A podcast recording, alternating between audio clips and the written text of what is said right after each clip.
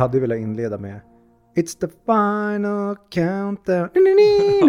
Då kommer vi bortplockade direkt. Du-lu-du-du. Men eh, hej och välkomna, som ni inte, kanske inte trodde att jag skulle säga, till 100 Mix 100-lista. 100 mix topp 100-lista men inte Charlie Chaplin. Kanske. Men kanske. Kanske. inte Charlie Chaplin. Nej men efter 100 filmer, 100 veckor, så ska vi prata om 100 filmer till. Ja, så nu påbörjar vi. Det blir 200 avsnitt till i och med att vi ska först köra din topp 100 och sen kör vi Mm. min topp 100. Så att, eh, ja det är väl drygt fyra år till vi kommer Ja. behöva lägga på det här. Vi singlade i slant, jag vann den, så vi börjar med mina först. Mm. Så får vi se vad vi ska, hur det blir efter. Oavsett, som vanligt, ni som känner oss, mitt namn är Fredrik, med mig har jag min kompanjon. Viktor, Välkommen. tack. Hur är tom, tomma rummet i, i din kropp fyllts? Jag har inte hunnit känna på det än. I och med att jag har suttit med min topp 100-lista den här veckan. Så istället för att jag tittar på en film och kanske läst lite i research-syfte om det.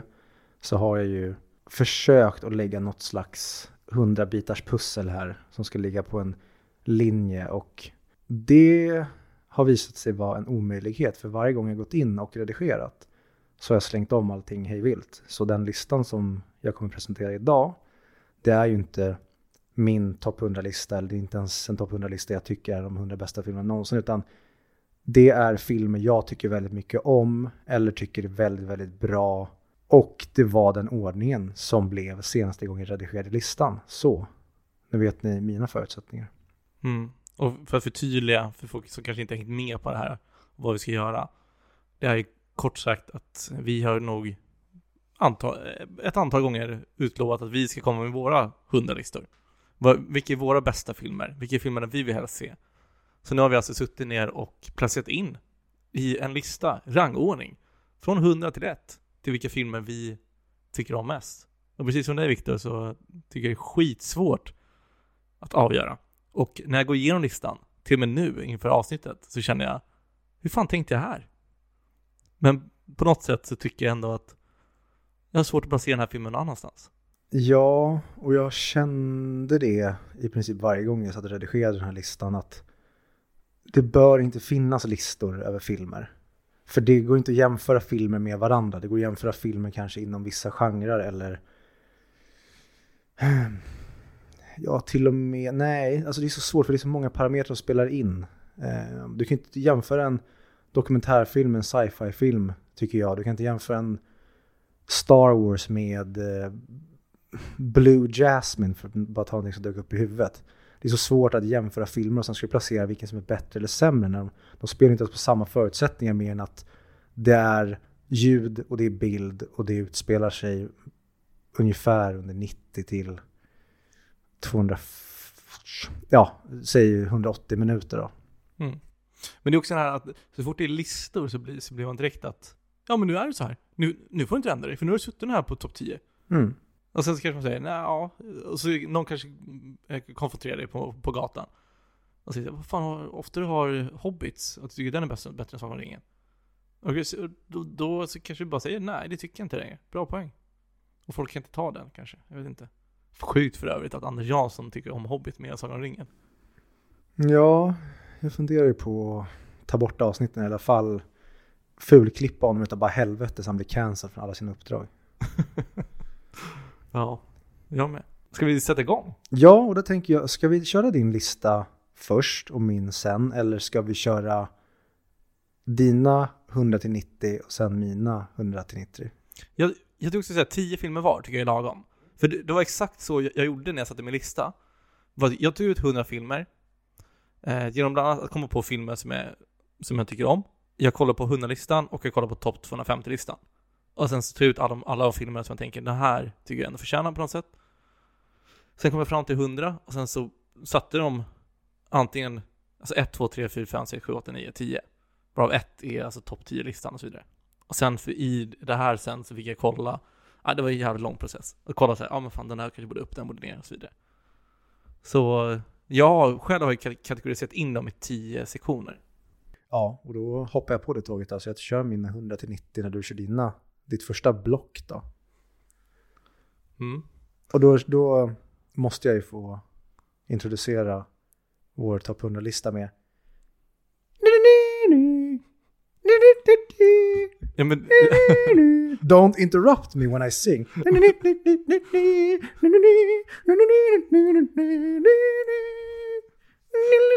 det måste finnas en flöjtsång. Det En där- dålig version av Final Countdown, så klipper vi in den. Var inte det där det? Okej, vi kör på den. Vilken är filmen Viktor som precis kom med på din topp 100-lista? Ska jag börja? Det spelar ingen roll. Pla- Plats, det här hade inte varit, den här filmen hade inte legat på den här placeringen om det inte var så att jag såg en film igår. Okej, men vänta, innan du säger det. För, vi, måste veta så här. Det är alltså precis, den här filmen var så här nära på att inte få nämnas, på, på att inte få med på den här prispallen som är 100 platser lång. Bara så vi lägger, så, så vi lägger tyngden i hur stort det är. Det här är en viktig sak. Det här är nästan, li- 100 platsen är nästan lika viktig som första platsen skulle jag säga. Jag har varit slarvig då, kan jag säga. Men så här, den, det- var så här, det var en film som befann sig ganska högt upp på min topp 100-lista. Som jag såg om igår. Oj, spännande. Och jag insåg när jag såg den här filmen att den här filmen har ingenstans på min topp 100-lista att göra. Mm. Men den här filmen ingår i en trilogi. Jag kan inte bara slänga ut den här trilogin jag älskar. För att första filmen var med på listan för att jag älskar trilogin. Men jag kunde inte ha med alla tre filmer för jag tycker att filmerna funkar som en trilogi. Men nu tog jag den andra filmen i listan, för den har jag inte sett om, men den håller jag i princip lika högt. Jag pratade om Richard Linklaters eh, Before-filmer, alltså, alltså Before Sunrise, som var då den som låg på listan. Och sen Before Sunset som är film nummer två. Och Before Midnight som är film nummer tre, som då handlar om eh, Celine och Jesse, två personer som träffas på ett tåg i Europa. Och sen får man då följa deras möten med nio års mellanrum. Både på riktigt är det nio år mellan filmerna och även i filmerna är det nio år. Har jag för mig att det är mellan alla tre. Anyway, jag såg om Before Sunrise igår. Och jag tyckte inte att den var i närheten lika bra som jag tidigare tyckt. För jag tycker att det är typ den perfekta romantiska trilogin. Men nu är jag jätterädd för att se om tvåan och trean. Så därför har jag lagt tvåan Before Sunset på placering 100. Bara för att jag kan inte slänga ut hela trilogin bara för att ettan inte flög igår när jag såg den. Det känns för reaktionärt och emotionellt. Så Richard Linklaters Before Sunset får representera hela trilogin på då min placering 100. Mm.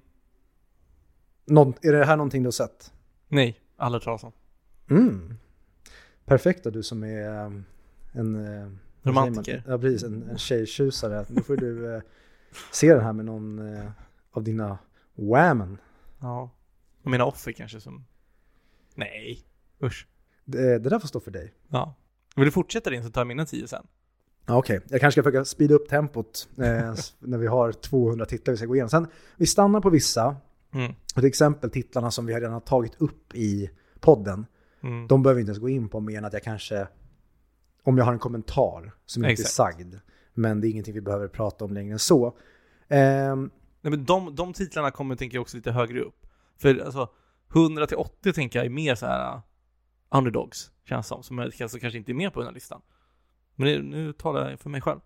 eh, ja, då går vi ner på min placering 99 och där har vi Blue is the warmest color eller som den heter på originalspråket La vie d'Adèle. chapitres E E, de. Och det är då, ja, ja, regissören heter Abdelatif eh, Kechic, eller Kechiche, jag vet inte hur han uttalas. Men det här var ju en superhit som jag tror vann Guldpalmen 2013 borde det ha varit när den kom ut. Har du sett den? Aldrig hört talas om. Oj, ja men den kan jag också rekommendera. Det är en väldigt fin eh, romantisk film. Också en film som jag är väldigt rädd för att se om. Mhm. Men när jag såg den, den är tre... Den är mer, längre än tre timmar i alla fall. Ja, men vad i helvete. Ja. Men det är liksom... Det, och det här är ju, vad säger man? Eh, bajsnödiga filmskole-Viktor. För den här kom ju när jag gick på filmskolan. Som tyckte om liksom mer...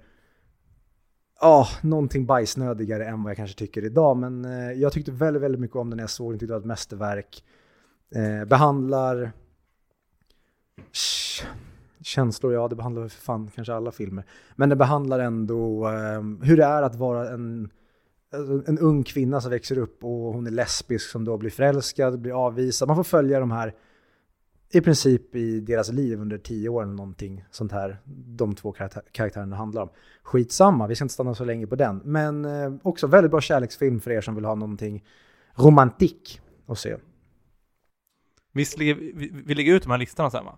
Ja, definitivt. Ja. Eh, den här, min lista finns på Letterboxd. Oh, jag tror jag Ja. Så är det någon eh, som mot förmodan skulle vilja läsa den eller få lite inspiration så finns den där. Eh, nummer 98 då. Då har vi din favoritfilm Fredrik, Casablanca. Och den kommer jag att kommentera för jag har inte rört den eller tänkt på den knappt sen vi såg den och pratade med Sebastian Mattsson i podden. Men ja, för er som vill höra mina tankar om den så är det bara att lyssna på Casablanca-avsnittet. Vidare till placering 97 som är då The Shawshank Redemption. Och det här är en film som egentligen aldrig, som jag sa, eh, när vi pratade om den i eh, avsnittet häromdagen, eller häromveckan blir det, att nej, den här hör inte hemma på min topp 100, men sen så var det ändå att, jo men fan, den är fantastisk på alla sätt, så jag tyckte ändå att den skulle in där. Jag kommer inte ihåg vilken film jag tog bort till förmån av den, men jag tyckte ändå att den skulle med. Och ja, det är bara att lyssna på förra veckans avsnitt om, vill höra, om ni vill höra vad vi sa om den. Men att du sköt ner så lågt alltså. Men eh, jag är glad att den bara är med på din, på din lista. Ja, men det är det jag menar, Mm. att den fick bara hänga med. Och den ska vara tacksam för det. Så inget jävla gnäll nu om att den inte är högre upp, för då blir jag fan förbannad. Eh, vidare till passering 96. Och eh, det är då Ingmar Bergmans Fanny och Alexander. Då frågar jag dig Fredrik, har du sett den? Nej! Vad fan har du så här många konstiga filmer med? Det här, det här är så här filmer som jag tycker är jättebra. Ja. Men som sen när jag börjar, som jag sagt, det här är kanske inte en lista över de filmer jag tycker är de hundra bästa. Utan det finns en aspekt också av hur mycket tycker jag om dem och hur, hur, många, hur mycket personliga favoriter är de för mig och vad gör de för mig, hur ofta gillar jag att se om dem. Det finns så många parametrar som spelar in, men Fanny Alexander tycker jag är kanske den bästa rena svenska filmen, det, det, det bästa svenska dramat kanske skulle jag säga. Som jag sett. Sen kanske någon skulle komma och peka på någon annan Bergman-film, men jag tycker väldigt, väldigt mycket om eh, Fanny och Alexanders öde. Jag gillar att se eller berättelser om barn som utsätts för orättvisa och eh, vuxna som är vidriga mot barn. För det, jag, jag känner så otroligt mycket med barnen när det görs på rätt sätt. Jag älskade böckerna, eh, vad heter den? Eh, Syskonen Baudelaire av Lemny Snicket läste jag när jag gick i högstadiet också. Hela bokserien går egentligen ut på att man får följa de här syskonen Baudelaire som utsätts för skit. Mm. Så det kanske är därifrån jag fått förkärleken till den här typen av eh, filmer. Men ja, känns som alla sett Fan Alexander, utom du. Ja men, ja alltså den, den har jag ju hört talas om. Ändå. Till skillnad från de tidigare som jag nog inte har hört talas om. Så det är en film som, som jag vill se. Men jag har inte sett. Ja, och en, en tillägg också är att, att den är med här, det är kanske mer att jag vill ha med en Bergman-film. Mm. Eh, och det är väl den, när jag tittar på Be- Bergmans filmer så är det väl den som jag tycker mest om. Tyckte mycket om, eh, vad heter den, Viskningar och rop. Men den är inte i närheten av Fan, Fan Alexander tycker jag. Sen tror jag att om jag skulle se om Persona kanske den skulle bli min favorit för den behandlar eh, saker som jag är väldigt intresserad av. Anyway, det var min placering 96, 69 tänkte jag säga. Inte än. Eh, placering 95. Vi får Vendetta. Eller det låter så konstigt att säga den på engelska. Man säger alltid V för Vendetta tycker jag. Mm. Eh, Coolt. Kul. Mm. Komiskt nog, näst, jag vet inte vilket datum vi släpper det här. Men eh, när vi spelar in nu, då är det nästa vecka, då är det 5 november. Mm. Så då måste man ju se V för Vendetta på den dagen känner jag. Högtid. Guy Fawkes. Precis. Och eh, vi kommer, jag, jag kommer även ta upp eh, V för Vendetta när vi ska prata DC vs Marvel sen på eh, Comic Con. För eh, det är ju en eh, DC-comic från början. Ingen super, den tillhör inte DCU som jag förstår det. Men den är ju fortfarande en DC-utgiven comic book. Och jag vet inte, vad, bör man säga, vad kan man säga om den? Otrolig, se om hon inte har sett. Mm. En film som på ett väldigt bra sätt speglar ett sånt här totalitärt propaganderande samhälle. Mm. Påminner väldigt mycket om ett Orwellianskt samhälle och 1984 är en av mina favoritböcker. Och den eh, påminner, påminner väldigt mycket om den. Den kanske till och med är inspirerad av den, I don't know. Det är också en film som jag inte sett nu på ett par år. Mm. Men då blir det att se om den nästa vecka. Och sen ner till placering 94. Och där har vi The Truman Show. Har du sett den här? Ja, jag tänkte faktiskt ta med den på min lista, men jag gjorde inte det. Jaha, ja, men vad kul att jag gjorde det. Mm. Vad tycker du om den då? Otrolig. Den är väldigt bra, underhållande. Men jag tycker inte att det är en topp 100-film. Men nästan. Nästan. Topp 250 garanterat. Mm. Jag eh, håller givetvis med, eller jag till och med tycker att den hör hemma på topp 100 och det är just för att, för det finns ju andra filmer som har gjort samma sak, men jag tycker att den här gör just det här dokusåpa-fenomenet så jäkla bra, där man Mm. har då stulit en människas möjlighet till att göra vad den vill av sitt liv och placerat honom som, han är en dokusåpa-karaktär utan att han vet om det. Eh, och det går nog väldigt mycket att dra kopplingar till, om man skulle se om den idag, till typ hur vuxna gör med sina barn idag. När de trycker upp en kamera i ens ansikte från att den är liten så den inte vet någonting annat än att den filmas och fotas konstant. Men det är kanske en annan twist på det om man skulle göra en sån typ av film. Men eh, en av Jim Carreys bästa roller. Och den är både väldigt hemsk men också väldigt eh, finurlig helt enkelt. Mm. Kanonfilm. Och sen kommer vi ner till placering 93. Där jag har The Station Agent. Kom inte upp till placering 93. Från, från 94 tänker Sa jag ner? Ja. Ja, men jag ber om ursäkt för allt. men det är okej för den här gången. Men sitt du och märk ord. Försöker jag leva mitt liv och... Det roliga är tydligen, jag brukar säga, säga bemärkord. Vilket är ironiskt. För det är fel. Man Mhm. säger ju märkord. Eh, ja, och för er som inte har sett The Station Agent, det är då Tyrion Lannister, eller en av hans, i alla fall, jag har inte sett så mycket filmer med honom, men eh, han är väldigt bra som eh, en väldigt ensam person som sen eh, hittar vänskapen i det lilla kan man säga. Det här är en film jag inte heller sett på massvis av år nu. Men en jätte, jättefin eh, och ganska sorglig berättelse. Väldigt down to earth. Inget spektakulärt alls. Jättebra drama. And that's all I have to say about that, tror jag. Och sen då, då kommer vi till placering 92. Och nej, jag skulle ju inte påstå att den här filmen har på en topp 100-lista att göra. om Man ska göra de 100 bästa filmerna. Men det här är en film som jag älskar något enormt. Och den gör film på ett sätt som jag respekterar så otroligt mycket när man är helt medveten om hur jävla töntiga man är. Men att man ändå gör det helhjärtat. Och då pratar jag om Walk Hard, The Dewey Cox Story. Mm. Har du sett den här? Jag har inte sett den ännu. Va? Nej, jag är ledsen. Det har inte kommit på tal. Men- Kanske vi, vi kan se efter podden. Ja, jag kan typ se den när som helst. Ja. Men ja, det är ju många som jag sett kritiserat den här, de tycker att den är inte rolig eller vad det nu än är, den bara liksom gör narr av typ biopics eller eh, musikbiopics. Men det, jag tror jag nämnde det i något avsnitt när vi pratade om den här, att det är en av, ehm, åh, vad heter han? Eh, regissören som är med i, eh, gör 40 Year Old Virgin och Trainwreck. Judd Apatow, tack för att jag hittade ordet till slut. En av hans bäst skrivna grejer. Jag pekar uppåt dock på min tå. En apeltå. Tyvärr, vi kom bara till placering två, sen sket vi där. Nej, nej men den är, den är otroligt bra skriven. Det är väldigt många av de absolut bäst verkande komikerna idag som är med och gör... De beter sig som idioter på ett sätt som jag respekterar så jävla mycket när vuxna människor gör den här typen av humor. Och du vet väldigt ofta vad som ska komma i filmen. Men de utför det så bra att du asgarvar åt att de gör exakt det du tror att de ska göra. Och de gör det stenhårt rakt in i kaklet. Um, och ett otroligt soundtrack med låtar som, eh, jag har kollat på vilka låtar som blev Oscarsnominerade det året och Beautiful Ride eller Walk Hard borde i alla fall ja, blivit Oscarsnominerad och inte vunnit. Så det, det är ett svinbra soundtrack också. Det är en jättebra film som faktiskt får en att känna för karaktären när man har sett klart den, även fast han beter sig som en idiot i två timmar.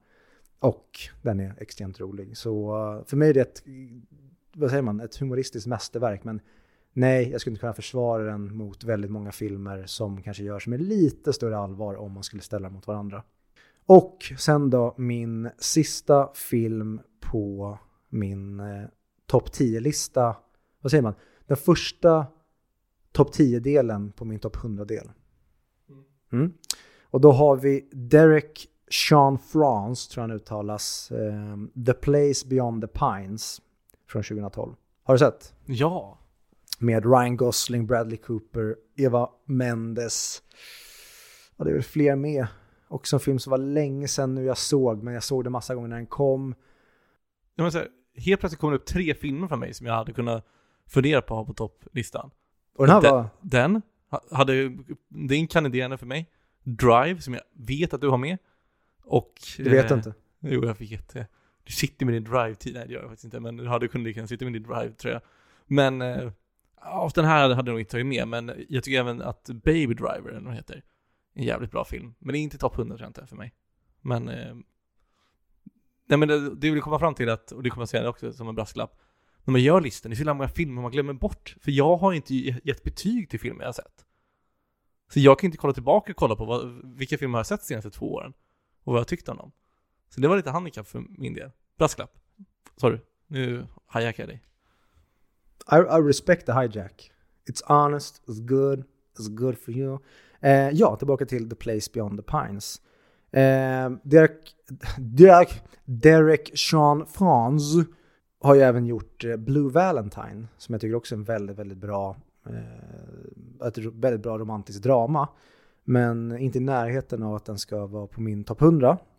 Och även eh, Light Between the Oceans som eh, och filmen som Michael Fassbender och Alicia Vikander träffades på är också väldigt bra, men samma sak där, den är inte på min topp 100. Men Place Beyond the Pines, och om bara ska dra lite kort varför jag gillar den, det är just den här life-spanding grejen. Att det börjar på en plats, det handlar om en person, eh, nu vill jag inte spoila filmen, men någonting sker vilket kastar omkring förutsättningarna väldigt mycket och sen får vi följa andra personer i vissa delar av filmen. Så den, den, och den gör det väldigt bra tycker jag. Och den hanterar hela det här om att liksom växa upp utan en förälder och vad det kan ha för påverkan. Samma sak där, ett otroligt drama. Men den, den har också en del actionelement i som jag tycker är väldigt bra. En jävligt nice eh, motorcykeljakt, en polisjakt. Som slutar på ett eh, väldigt dramatiskt sätt. Och alltid en fröjd att se en melankolisk eh, Ryan Gosling. Alltid. Eh, även också alltid en fröjd att se en eh, komisk Ryan Gosling. Mm. Jag såg, kommer du ihåg eh, SNL-sketchen eh, Papyrus? Nej.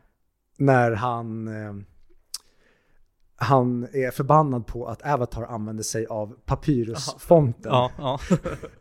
Jag såg det igen på många år häromdagen och den är väldigt bra. Ryan Gosling är väldigt rolig när han blir rätt regisserad i humoristiska scener och eh, filmer. Så um, mer humor av Ryan Gosling skulle jag vilja se, men då ska det vara såklart en kompetent regissör. Men eh, just Papyrus är ju så jävla rolig när han blir helt manisk över en jävla font. Eh, ja, så det var min topp. Men det är kul då, för två av dem tror jag jag har med. Inte på min top, på, inte på min topp 90 eller, vad- eller vad nu vi ska kalla det. Mm. Topp 10-1. Ja. ja men jag, jag kör på. Det här är filmer som jag tycker om. 100 plats. Druck. Mm. Another round. Vi pratade väl om den i podden va? Det är väl Thomas Winterberg. Och med Mads Mikkelsen i huvudrollen. Otrolig film. Känns vänster touch. Man härmar Kierkegaard, Sören Kierkegaard. Eh, jag tror det är norsk eller dansk eh, filosof som sa att människan född med 0,5 promille för lite i blodet. Så de testade att vara fulla från 8 till 8, alla vardagar. Den borde du se. Borde jag se den? Jag har ju sett den. alla borde se den. Du som jag pratar med måste se, borde, borde se Ja, den. du lyssnar såklart. Hallå, Ja. jag pratar direkt till er lyssnare. Det är bara jag som inte förstår det. Placering 99. Watchmen. Oh, kan jag säga att den är med på min lista. Är det? Mm. Ah, okej, spännande. Ska vi flika in sånt eller? Ja, det tycker, det tycker jag definitivt. Ja. Bara så att, för jag vet inte, vi kanske ska prata om den direkt nu Mm. och sen bara säga när den kommer på min lista. Mm. Ja, men Watchmen tycker jag, alltså jag har ju läst serieboken också. Och filmen tycker jag, filmen har så jävla härlig känsla till den. Det, det känns verkligen som att det är en, alltså, en fiktiv värld. Men det känns aldrig så här äh, töntig eller overklig fiktiv värld, om du förstår vad jag menar. Men är inte det för att den är så mörk Jo. och så himla visuell? Alltså för visst är den barnförbjuden, vad säger man? Rated R. Ja, det tror jag garanterat. Och det är väl just det då att när du gör en sån här bananas värld som det ändå är, att du går lite mer till att förhöjd verklighet åt det superhjältehållet. Och Mm. det var lite det Zack Snyder kanske försökte göra i sin eh, Man of Steel och även sen i Batman vs Superman och Justice League. Där tycker jag att det inte funkar alls. Men i Watchmen funkar det här, som de även gör i The Boys. Mm. Det här otroligt mörka och cyniska och hopplösa och alltså typ korrumperande med eh, superhjältekrafter. Mm. Och det coola är att de har Dr. Manhattan som är alltså övermänskligt stark. Men hans brist är att han tappar empati. Han, or- han bryr sig inte om att människor dödar människor. Mm. För, för, för, för det är så här liksom som att en myra har dödat en annan myra i myrstack någonstans i Amazonas. Nej, men också grejer som jag tycker den gör så jäkla bra. Det är, den, den, för det finns, och det tycker jag många, det, det gör ju Marvel-universumet bra under vissa perioder av eh, sitt universe. Det här med de filosofiska frågorna och även de etiska frågorna. Vad, vad har man rätt till och vad borde man göra med en viss typ av makt i sina händer? Och det har ju Watchmen så jäkla bra i Dr. Manhattan och även eh, eh, Ozymandias. Eh, men även liksom vad Rorschach är med om. Alltså det, Mm. den, den, den gör, den tar allas ark i den och så gör de det relaterbart till vår värld. Mm. Men de har klistrat på mer förhöjda kostymer, bokstavligt talat. Att då, vad, vad händer, som du nämnde med Dr. Manhattan, vad händer när den personen som egentligen skulle vara typ våran väktare slutar bry oss om oss? Ja. Ehm, nej, så bara den kommentaren vill lägga till. Och en av de bästa superhjältefilmerna som har gjorts, eh, tycker jag. Den gör precis det jag vill se i en eh, superhjältefilm. Ja, Men sen är karaktären är så magiska. Komedien heter ju komedien för att han ser livet som ett skämt. Att- Att livet är en komedi snarare än en drama. Alltså, och det, är- det är så deppigt på något sätt. Men, och eh, att eh, Rorschach är ju hur cool som helst som säger. Bland annat så har han ju den här gåshudsscenen han säger You don't understand, you're not, I'm not locked in here with you, you're locked in here with me. Fantastisk på så många plan. Jag vet att många typ comic book-nördar har klagat väldigt mycket på den. Mm. Ehm, just liksom ur ett adapteringssyfte. Men jag har inte läst serieboken så jag kan inte jämföra med den. Jag tycker bara det är en jätte, jättebra superhjältefilm. Mm. Jag, tror största, bland de största skillnaderna är att egentligen är det aliens som attackerar. Men i filmen gjorde de det att det, var, att det är Dr. Manhattan som attackerat olika städer. Tack för att de gjorde det. Speciellt med facit i hand när vi har fått Beam in the Sky och portaler och det i varenda Mm. superhjältefilm de senaste 15 åren känns som. Mm. Ska jag gå vidare? Kör hårt. Ni, nummer 98, Black Hawk Down. Länge sedan jag såg den. Det är nog... Jag valde mellan den och Jarhead. För jag tycker båda de två är väldigt bra, modern krigsfilm. Men det blev Black Hawk Down. För jag tycker alltid den är jävligt cool och ball att se på. Eh, Jag vet att du inte gillar krigsfilmer, så jag antar att du inte har sett den. Grejen är den att jag hade den här på DVD. Mm. Jag tror att jag har sett den, men jag har inget minne av den. Nej. Nej, jag kan inte dra någonting mer än att jag vet att det är en Ridley Scott-film och jag vet vilka som är med i den. Mm. Nej men den, jag tycker den är jättebra. det, var länge sedan jag såg den, så den är, den är inte superfärsk i minnet. Men eh, jag tycker det är en topp 100-film. Jag respekterar dig, dina val i livet. 97, en liten bubblare. Den här kommer ni inte kunna tro att jag hade valt tror jag. A Knight's Tale. Heath Ledger. Jag tror det är, en komedifilm jag vill slänga upp där. Just att jag tycker att den är så jävla bra. Jag kommer ihåg att när jag hade den på film, på VHS, så såg jag om den om och om igen. när jag var klar spelade bara tillbaka. Så varje gång jag hade tid över så satt jag och tittade på den. Och jag såg den inte för så länge sedan. Svinbra. Bara i öppningen att nu We Will Rock You som har gjort det som att de spelar det där. Så, så att alla sitter och slår till du, du, tsch. Och när, när gitarrsolo kommer så är det trumpeterna som spelar. Jag tycker alla de där sakerna är så snyggt. Men berätta, ehm, det, grejen, det, det är samma sak med Black Hawk Down. Jag, jag har ett minne av att jag sett den här men jag kommer inte ihåg någonting. Varför, är, är den... Ska den utspela sig under riddartiden? Okej, och då har de på ett snyggt sätt fått in We Will Rock You och det känns trovärdigt. Ja men det är, alltså det är komedi, så det, de har fått in det som så här. Det var då den, den driver med riddargenren? Nej, alltså det är en komedifilm som utspelar sig på den tiden. Men, sen, men det är också samma sak när, när han får ny utrustning. Så ska hon, den kvinnliga blacksmithen, eller sm- smeden, uh, hon börjar branda sina saker. Hennes brandlogga är två Nike-symboler. Så de, de har fått in sådana där saker. Ja men det låter ju som alltså, typ en walk hard, att den, Mm. den driver med den här genren. Ja, men typ. Skulle man kunna säga, säkert. Eh, nej men jag, jag tycker den är asbra. Jag älskar, alltså den är känslosam, ro, och framförallt rolig. Och lite action. Och man får se lite riddare, det gillar man alltid. Mhm. Ja, vi nämnde ju det i eh, något avsnitt när vi hade, jag och Alex hade varit och sett, eh, an, nej, A Night's Tale. jag hade varit och sett en film som heter A Night's Tale, har du sett den? Nej, vi var och såg The Green Knight. Mm. Och jag tror att vi nämnde det i avsnittet, men att det är så nice att bara se riddare på film. När Mm. det är väl designat. Mm. Och det känns autentiskt. Det, ja, det går jag igång på. Det, Mm. Och det vet jag, det kommer komma tillbaka till många titlar. Det är för att det har varit med mig sedan eh, barnsben, just eh, riddargenren och eh, svärd på olika sätt. Men det är också han som spelar Vision. Är också med i den bland annat. Jag inte vad han heter, britten. Jag tänkte säga Rys, Riff, Rys Ifans, men det heter inte. Det är... När han ska, åh shit vad det står still i mitt huvud nu. Han heter ju så mycket som Paul någonting va? Paul Bettany. Paul Bettany, tack så mycket. Ehm, han har en skitrolig roll. Han är typ så här författare och så vidare. Så ska han, ja, lite gamblingproblem. Värd att se tycker jag, om man inte har sett den. Mm, den eh, har jag ju inte sett. Nu, nej. Nummer 96. Zodiac. Mm. Tycker du är otrolig. Och det är en sån här film som helt plötsligt bara växlar den om. Så är det 40 minuter kvar på filmen och man tror att den, att den ska sluta. Ja, och den är så finchesk, eh, nihilistisk, hopplös. Ja.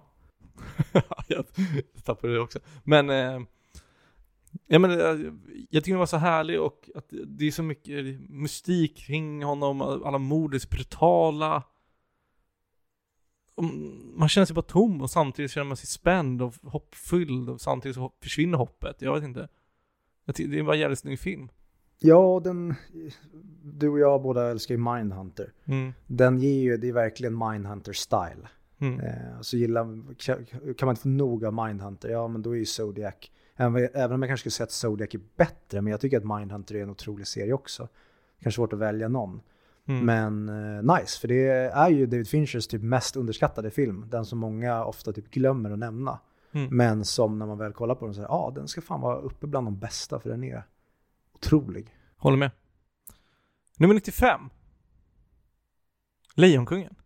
Oh, den är också med. Den är också med. Mm. Ska vi vänta och prata med den då? Eh, nej men vad fan, vi har ju haft ett avsnitt om den. Ja, just det. Ja, du behöver inte prata så mycket om det, är sant. Det känns onödigt. Ja, lyssna på vårt avsnitt med Ja. Viktor Engberg. Ingen, ingen perfekt film, vill jag bara säga. Ehm, Men vänta, vänta nu. Eh, när vi befinner oss här, Ja, vad är det för poäng? Vad har du för betyg på de här? jag vet inte. Men vad, Lejonkungen, du- jag för mig du satte en nia va? Ja, men kanske en åtta? Ja okej, du är ändå på den nivån för att mina filmer, alla är ju nio eller tio. Ja. Men det känns som någonstans runt 80-70 går de över till nior. För jag ser några namn som jag känner så här, nio är fan högt på dem. Nej, så jag vet inte exakt ex, eh, poängen på dem. Men eh, vart var jag? Nummer 94. Wolf of Wall Street. Oh, den är också med. Mm. Eh, dock kommer en eh, sen. Mm. Bra. Okej. Vilken jävla teaser jag kör. Ehm, men den, den kan vi vänta och prata om tycker jag. Mhm. Tills, när du får upp den. Och så, tills jag får upp den. That's Ja. what she said. Ja men den kommer upp på din lista. Okej. Eh, däremot, jag har ju också Good Will Hunting på nummer 93. Det är inte, det är en fin god film. Den har vi pratat om. Ja, precis. Den är ju ett helt avsnitt dedikerat Ja. Den är inte med på min kan jag säga. Nej, jag förstår det. Men det är en film som passar mig. Jag tycker den är bra. Jag tycker det är så cool hans monolog han har. Eller dialog eller vad man ska kalla det. När han pratar hur länge som helst och byter scen typ. Han fortsätter prata samma grej. Ja. Ja, men jag, jag klipper dig där för att det finns ett avsnitt om den så ni får lyssna på vårt avsnitt om den helt enkelt. Däremot en film som jag är 99% säker på att du inte har. Rock'n'Rolla. Jo, den har jag med. Nej! Nej, det har jag inte. Eh, det, ja, jag, ja, fan, jag, jag, har den ju kanske inte så högt upp som jag vill ha den. Men jag tycker att det är kanske min favorit av Guy Ritchie. Vil- Vilket är ironiskt, för jag ser att jag har Snatch högre upp på listan. Eh, så egentligen borde det bli plats med någon tror jag. Men Rock'n'Roll är typ en, en, den mest underskattade Guy Ritchie-filmen. Det var den första Guy Ritchie-filmen jag såg. Och jag såg den på Kanal Plus. När Kanal Plus fanns. Och så var jag, ja, jag kommer inte ihåg hur gammal jag var. Men jag var ju liksom tonåren, runt så här 14-15. Vaknade upp bakis eh, hemma hos eh, mina föräldrar som var bortresta. Så vaknade jag upp eh, ett gäng polare. Och vi bara slår på och så börjar filmen precis. Och bara, vad är det här? Rock'n'roll? Och så bara, ja, vi har på den. Och vi alla blev helt välta och bara shit, det här är typ den coolaste filmen vi sett. Så jag, eh, jag, jag det är inte den bästa Guy Ritchie-filmen, men det är den f- Guy Ritchie-filmen tror jag som ligger närmast mig rent, eh, ja men vad ska man säga, den, den har gjort, nej men den gjorde väldigt mycket för mig och den har jag väldigt fina minnen till. För den, när jag tänker på den filmen så tänker jag på, ja den söndagen då, när man var bakis med eh, kompisarna. Men vi säger den de har en magisk scen när det är typ två ryssar som jagar dem. Och sen är kameran typ som att den sitter fast på honom.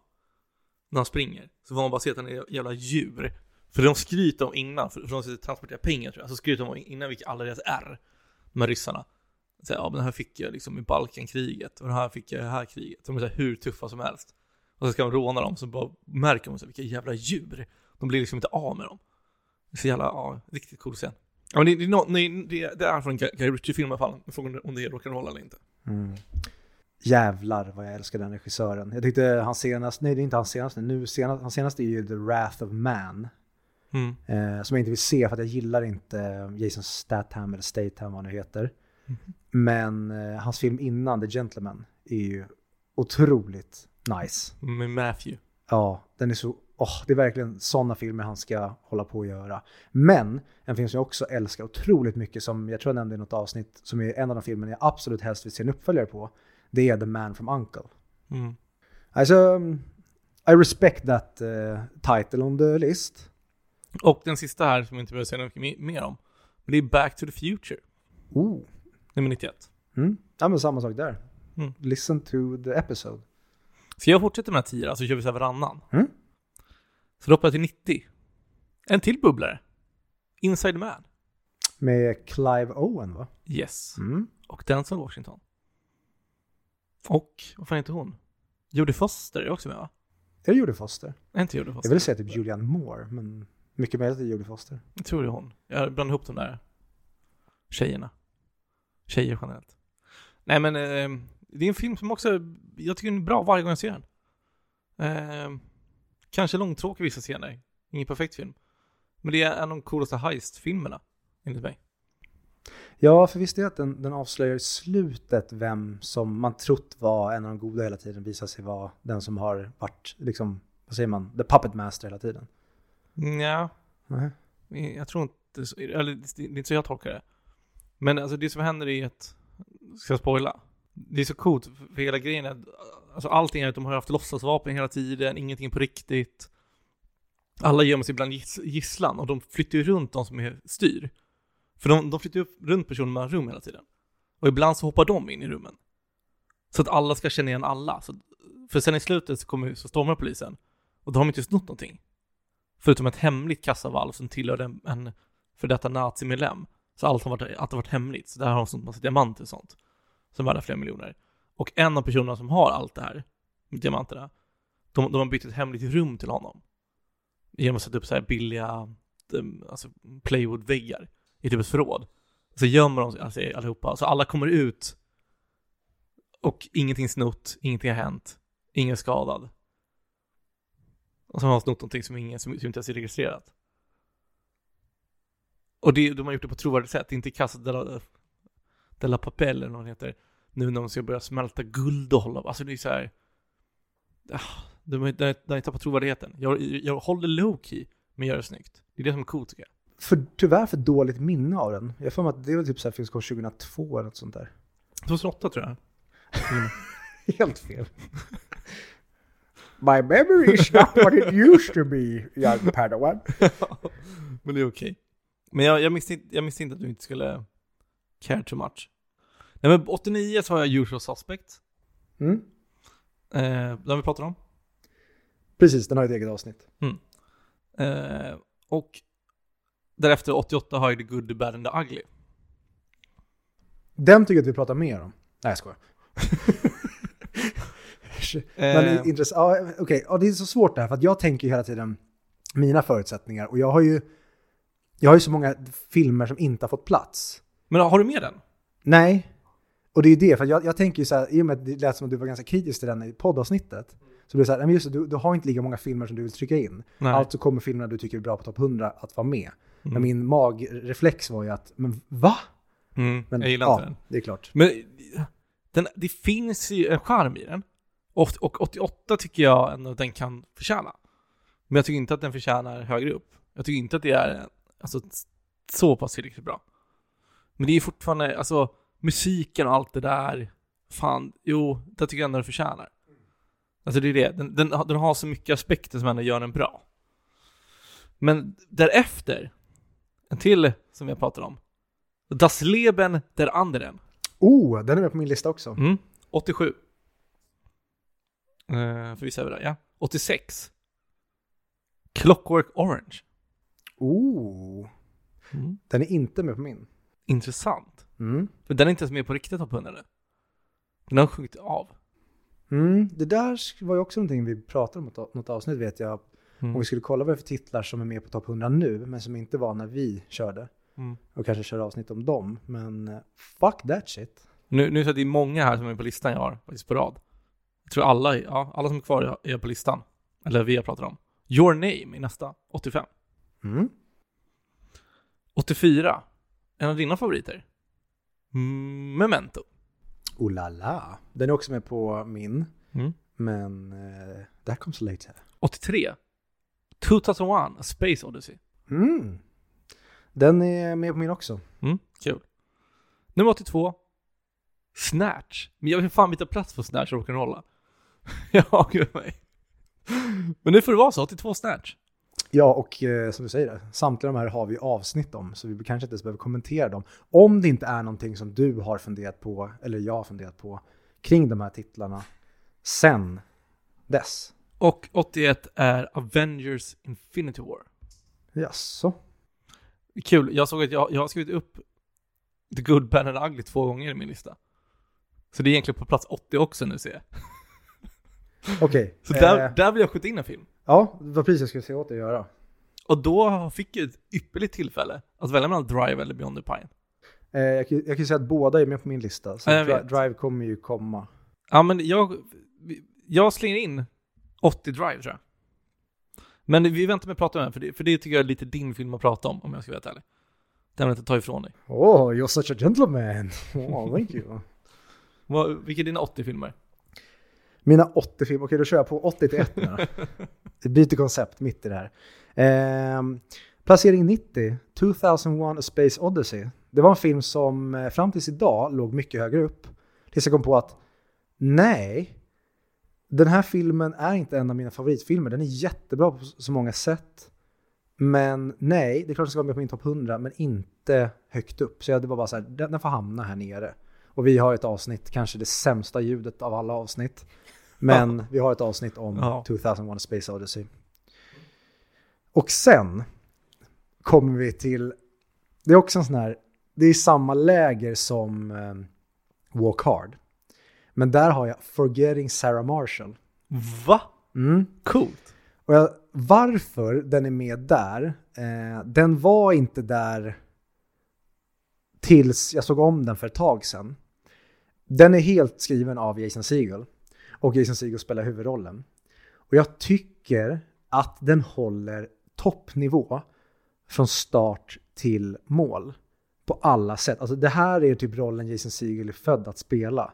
Mm. Den här neurotiska, tafatta, klump, klumpiga, ändå musikaliska killen.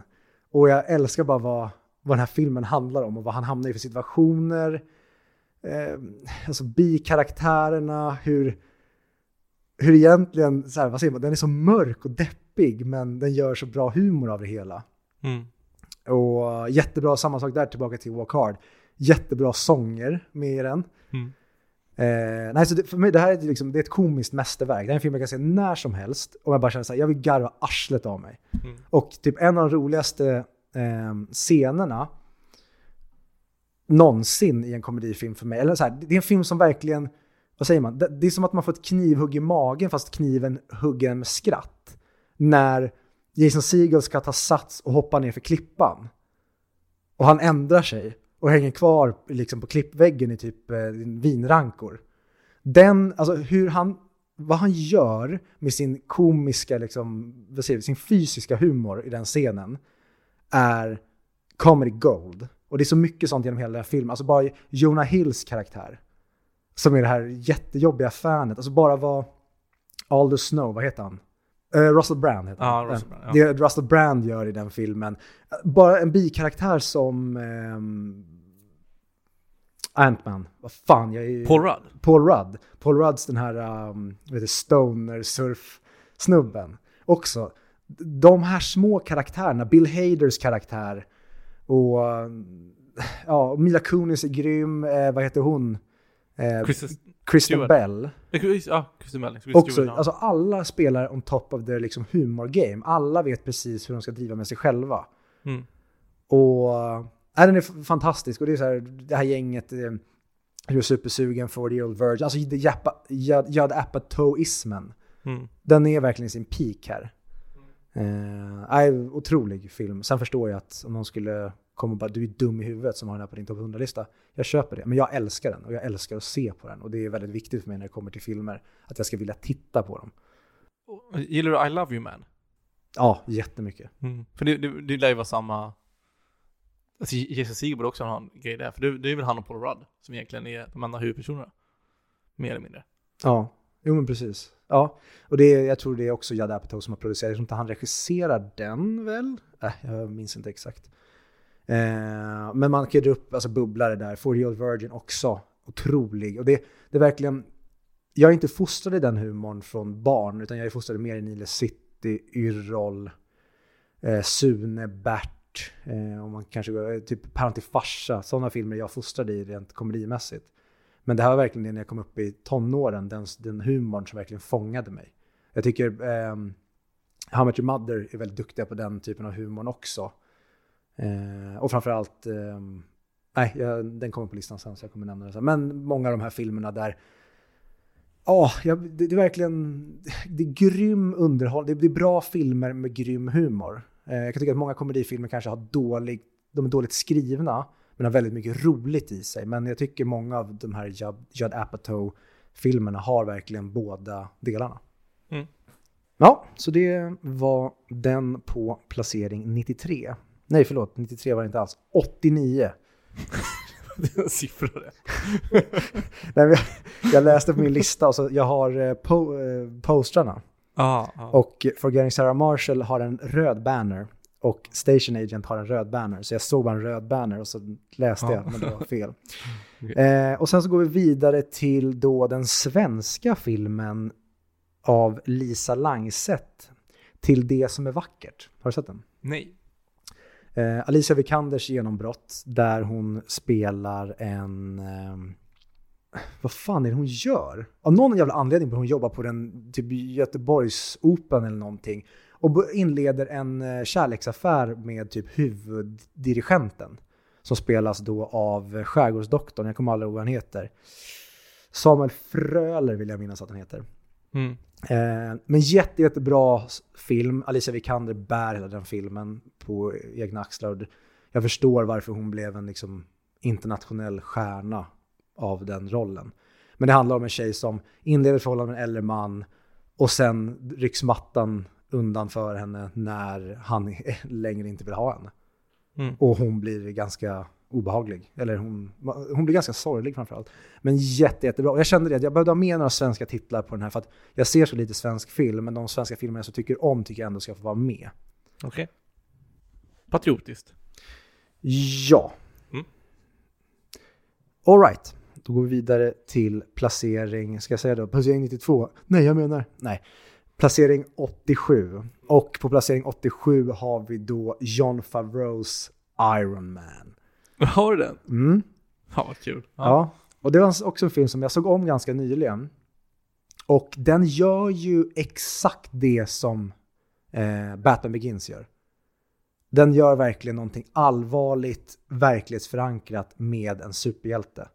Och får den här origin storyn på ett så jäkla ballt sätt där den riktiga Iron Man inte dyker upp förrän i slutet. Innan har vi bara den här prototypversionen. Vi får egentligen följa Tony Starks resa och vad han är i början av filmen. Och var han sen transformeras, eller vad han transformeras till genom det han är med om och ser vad som är viktigt egentligen. Hur den clashen blir med de som idag driver hans pappas företag. Det finns jättemånga likheter med eh, Tony Stark och eh, Bruce Wayne, vilket jag tror, jag är ingen Marvel DC-expert, men jag tror att det är hela poängen med att Iron Man ska vara eh, Marvels Batman. Mm. Mm, nej, så den, är- den är så jävla bra och den, den är med också mycket för att det är så jävla sjukt vad den, vad den har gjort för, det, eller kanske farfetch, nej det kanske inte ens är, men säga vad, vad Iron Man har gjort för världen. För den har ju ruckat om spelreglerna för filmuniversum.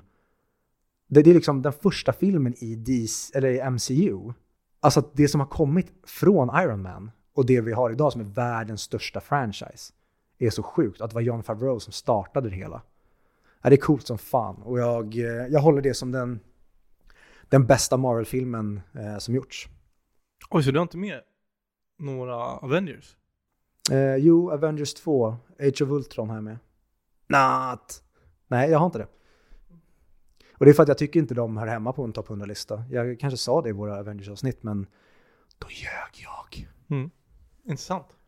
Men eh, inte helt orimligt, för många som jag pratar med säger att Iron Man 1 är enligt deras tycke den bästa. Det var så länge sedan jag såg det, så jag vet inte om jag håller med. För jag tycker ändå att det coola med sådana filmer är ju actionen. Det är ju lite grejen med superhjältefilmerna. Eh, och det kanske är att Iron Man inte har lika mycket, men den är jävligt bra. Den är ju nosar på topp 100-listan, nog för mig också faktiskt. Det, det är det som jag tyckte sist. För att jag minns den som så ja ah, men det är en klockren 4 av 5, en 8 av 10. Men när jag såg om den sist så är det att, då kände jag verkligen att wow, vad den har åldrats bra. Mm. För den gör dramat bra, den gör karaktären väl. Eh, snarare än att det blir eh, den här Marvelska humorn och att det är då kanske mer hjärndöd action som kanske dyker upp senare i Marvel-filmerna. Utan det här, det här är en bra film på riktigt och att den är den första gör att den, den är inte förankrad i någonting annat. Den är en helt egen film som startar på en punkt och den slutar på en punkt. Du behöver inte någon annan film för att se det här. Mm. Och eh, då går vi vidare till placering 86 och där vi nämnde lite the Judd Apatoism. Men där har vi ju eh, Superbad. Eller Supersugen som... Också en film som inte jag tänkte på ens. Och det, det, det är samma sak här. Här har vi ju de, kanske idag, de bästa eh, verkande komikerna i världen. Eh, där de tillsammans gör ett paket som är perfekt från start till mål.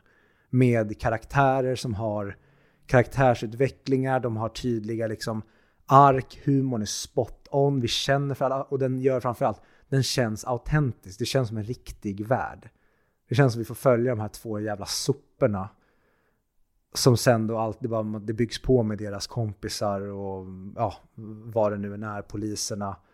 Och varenda skämt, det märks att det är komiker som har skrivit det här för att varenda skämt är on point. McLovin. Ja, och, och, och liksom, vad säger man, det populärkulturella avtrycket den satte med McLovin som fenomen Mm. är helt otroligt. Och att de har Seth Ro- Rogen, eh, Bill Hader, Jonah Hill, vad heter han, Scott Pilgrim? Michael Cera. Michael Cera. Eh, du har eh, Christophe Placé Mintz, vill jag minnas att han heter. Eh, och sen är det han, och jag kommer ihåg vad han heter, men han ser ut som en hund. Han är med i eh, 9110, vad, vad heter den? Med Andy Samberg, polisserien. Brooklyn 99 heter. Ja. Han såg ut som en bulldog. Jag måste ta fram vad han heter. Men han, han är ju den som kör på eh, Seth. Eh, Seth Ah. heter ju Jonah Hills karaktär i filmen. Han är som kör på eh, Seth i filmen. Som sen tar med dem till festen. Men han, den, den nervösa killen typ. Ja men precis. Ja, jag vet vad du menar. Han är, det, han är Christophe Placé Mintz polare i eh, live eh, Exakt. Ja, ja. Ja. du vet vem jag Mm. menar. Ja, skit samma. Det är, det är så här, för mig är det också, det, det är ett eh, humormästerverk. Inte bara som att den är rolig, utan det är en jättebra film. Sen förstår jag så här, nej det är inte ett mästerverk på det sättet. Och jag tror att kids idag kanske inte skulle tycka om den lika mycket. Men för mig är det så här, rätt i tiden, rent åldersmässigt, humormässigt. Och jag tror att den har, jag har inte sett den nu på ett par år. Men jag tror att den har åldrats ännu bättre med eh, vetskapen om vart liksom censuren och vad som är okej att skämta om har tagit vägen idag. Mm. För att den är väldigt eh, skamlös på många sätt som jag verkligen tycker om. Ja. Yes, vidare till, eh, då har vi eh, Jean-Marc Vallées film Demolition med Jake Gyllenhaal. Mhm. Har du sett den här? Nej. Eh, kan gå in på lite kort. Alltså, Jean-Marc Vallée är ju mer känd för till exempel Dallas Buyers Club. Eh, sen gjorde han även Wild med, eh, vad heter hon, Reese Witherspoon. Det var inte Reese Without her spoon. Eh, men han har även gjort tv-serier som Big Little Lies, som första säsongen av Big Little Lies är en otrolig miniserie. Mm. Eh, han har även gjort eh, Gillian Flynns, eh, vad heter det, bok Sharp Objects gjorde han en miniserie på som också är jätte, jättebra. Den har jag hört talas om. Så det är en, han är en svinbra regissör på alla sätt. Och den här filmen tror jag gått ganska mycket under radarn, men det här var en film jag såg jag vaknade upp en, en morgon för några år, eller när den kom då, 2015, för sex år sedan blir det. Och eh, jag bara, ah, Jean-Marc Vallée har släppt en ny film, den här vill jag se. Såg den, blev helt vält.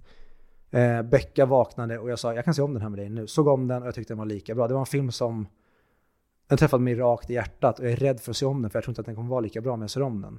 Men för mig där och då var det ett mästerverk. Det handlar om att liksom hantera ilskan och hopplösheten efter att liksom ha förlorat någon på ett väldigt bra sätt. Mm. Och att ja, men, man kan vara destruktiv eller konstruktiv. Ja.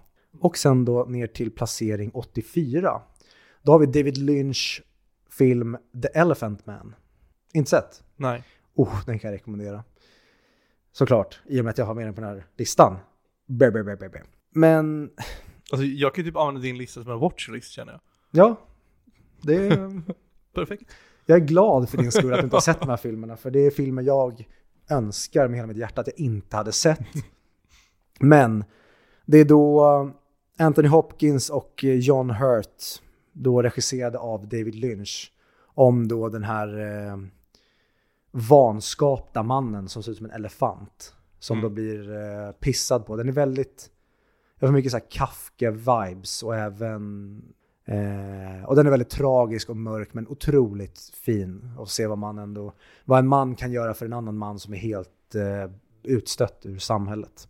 Och sen placering 83, då har vi den här eh, Schindler's list, har du sett den? Mm.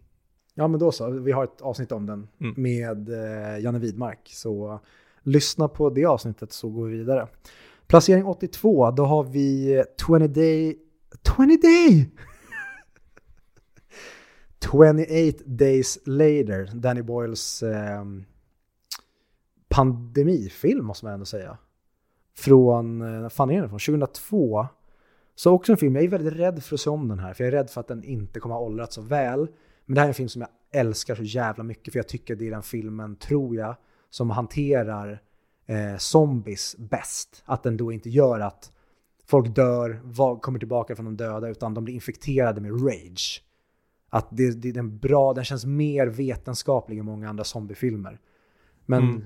återigen, jag tror jag såg den innan, nej jag hade nog sett den efter Walking Dead drog igång, men Zombiegenren har ju verkligen också boomat senaste tio åren och jag är rädd för att det kanske finns andra filmer som har förstört den här. Men ehm, nej, jag minns den som att den är helt jävla fantastisk. Mm. Ja, jag, tror, jag, jag att jag sett den när jag var ganska liten. Eller mycket, mycket yngre nu. Men jag kommer typ inte ihåg någonting från den. Så den, den vill jag se. Ja, men nice. Och sen går vi vidare till Nocturnal Animals. Har du sett? Alla tror. Tom Fords andra film. Han har ju bara regisserat två filmer, alltså eh, moddesignern Tom Ford. Mm, mm. Med Jake Gyllenhaal och eh, Amy Adams i huvudrollerna. Eh, också en film som jag tror inte kommer vara lika bra när jag ser om den. Men jag har sett den ett par gånger och det är en film som, den har verkligen min typ av stämning. Den är väldigt mörk och deppig. Och han, alltså, jag gillar filmer och även serier där det är någonting som att det är två personer som kanske är unga och kära i varandra. Och sen får man träffa dem senare i livet där de har skaffat andra familjer och har förutsättningar som gör att de inte kan vara med varandra. Eh, och man får se lite så här, what if, eller vad det, här- det här har jag varit med om sen du lämnade mig eller sen vi Mm. bröt upp. Ja, Och den, jag tycker, tycker den hanterar det på ett så otroligt bra sätt. Eh, och det är en film som, som eh, i filmen så är det en person som läser en bok som en av karaktärerna skrivit, så vi får se handlingen i boken samtidigt som det klipps mellan eh, filmens handling. Eh, på ett sätt som ibland gör den, liksom, man vet inte om det personen har skrivit i den här boken har hänt eller om det bara är en fiktiv berättelse. Mm. Eh, men jätte, jättebra. Och eh, Tom Ford är inte bara en duktig designer, han är en sjuhelvetes regissör också, har det visat sig. Intressant. Mm, Jag har hans glasögon. Det är det också om jag inte minns fel. Ja, mina två senaste glasögon är Tom Ford-briller. Um... ja, jag gillar verkligen hans design och det är ännu roligare när jag tycker så mycket om honom som regissör. Då vill jag eh, representera honom och ha hans grejer. Så det passar ju bara perfekt att hans grejer är classy as fuck tycker jag. Mm. Yes, och sen då... Eh, nej men det var mina nästa tio filmer. Mm. Så då ger jag över till... Eh, nej, nu ska, jag, nu ska jag köra. Kör du tio till. Just det. Eh, då går vi ner till placering 80 och där har Ooh. vi eh, Todd Phillips Joker. Den har jag också. Mm. Men den har vi ett avsnitt om. Ja. Så den eh, släpper vi. Mm. Och så går vi vidare till eh, James Camerons The Terminator från 1984. Vi, eh, jag mig att vi pratade en del om den i våra Terminator 2 Judgment Day-avsnitt. Ja. Så jag kommer inte nämna mer än att jag tycker den är, det är, det är en, det är en skräckfilm. Mm. På det sättet att den, Terminator 2 är ju en eh, actionrulle.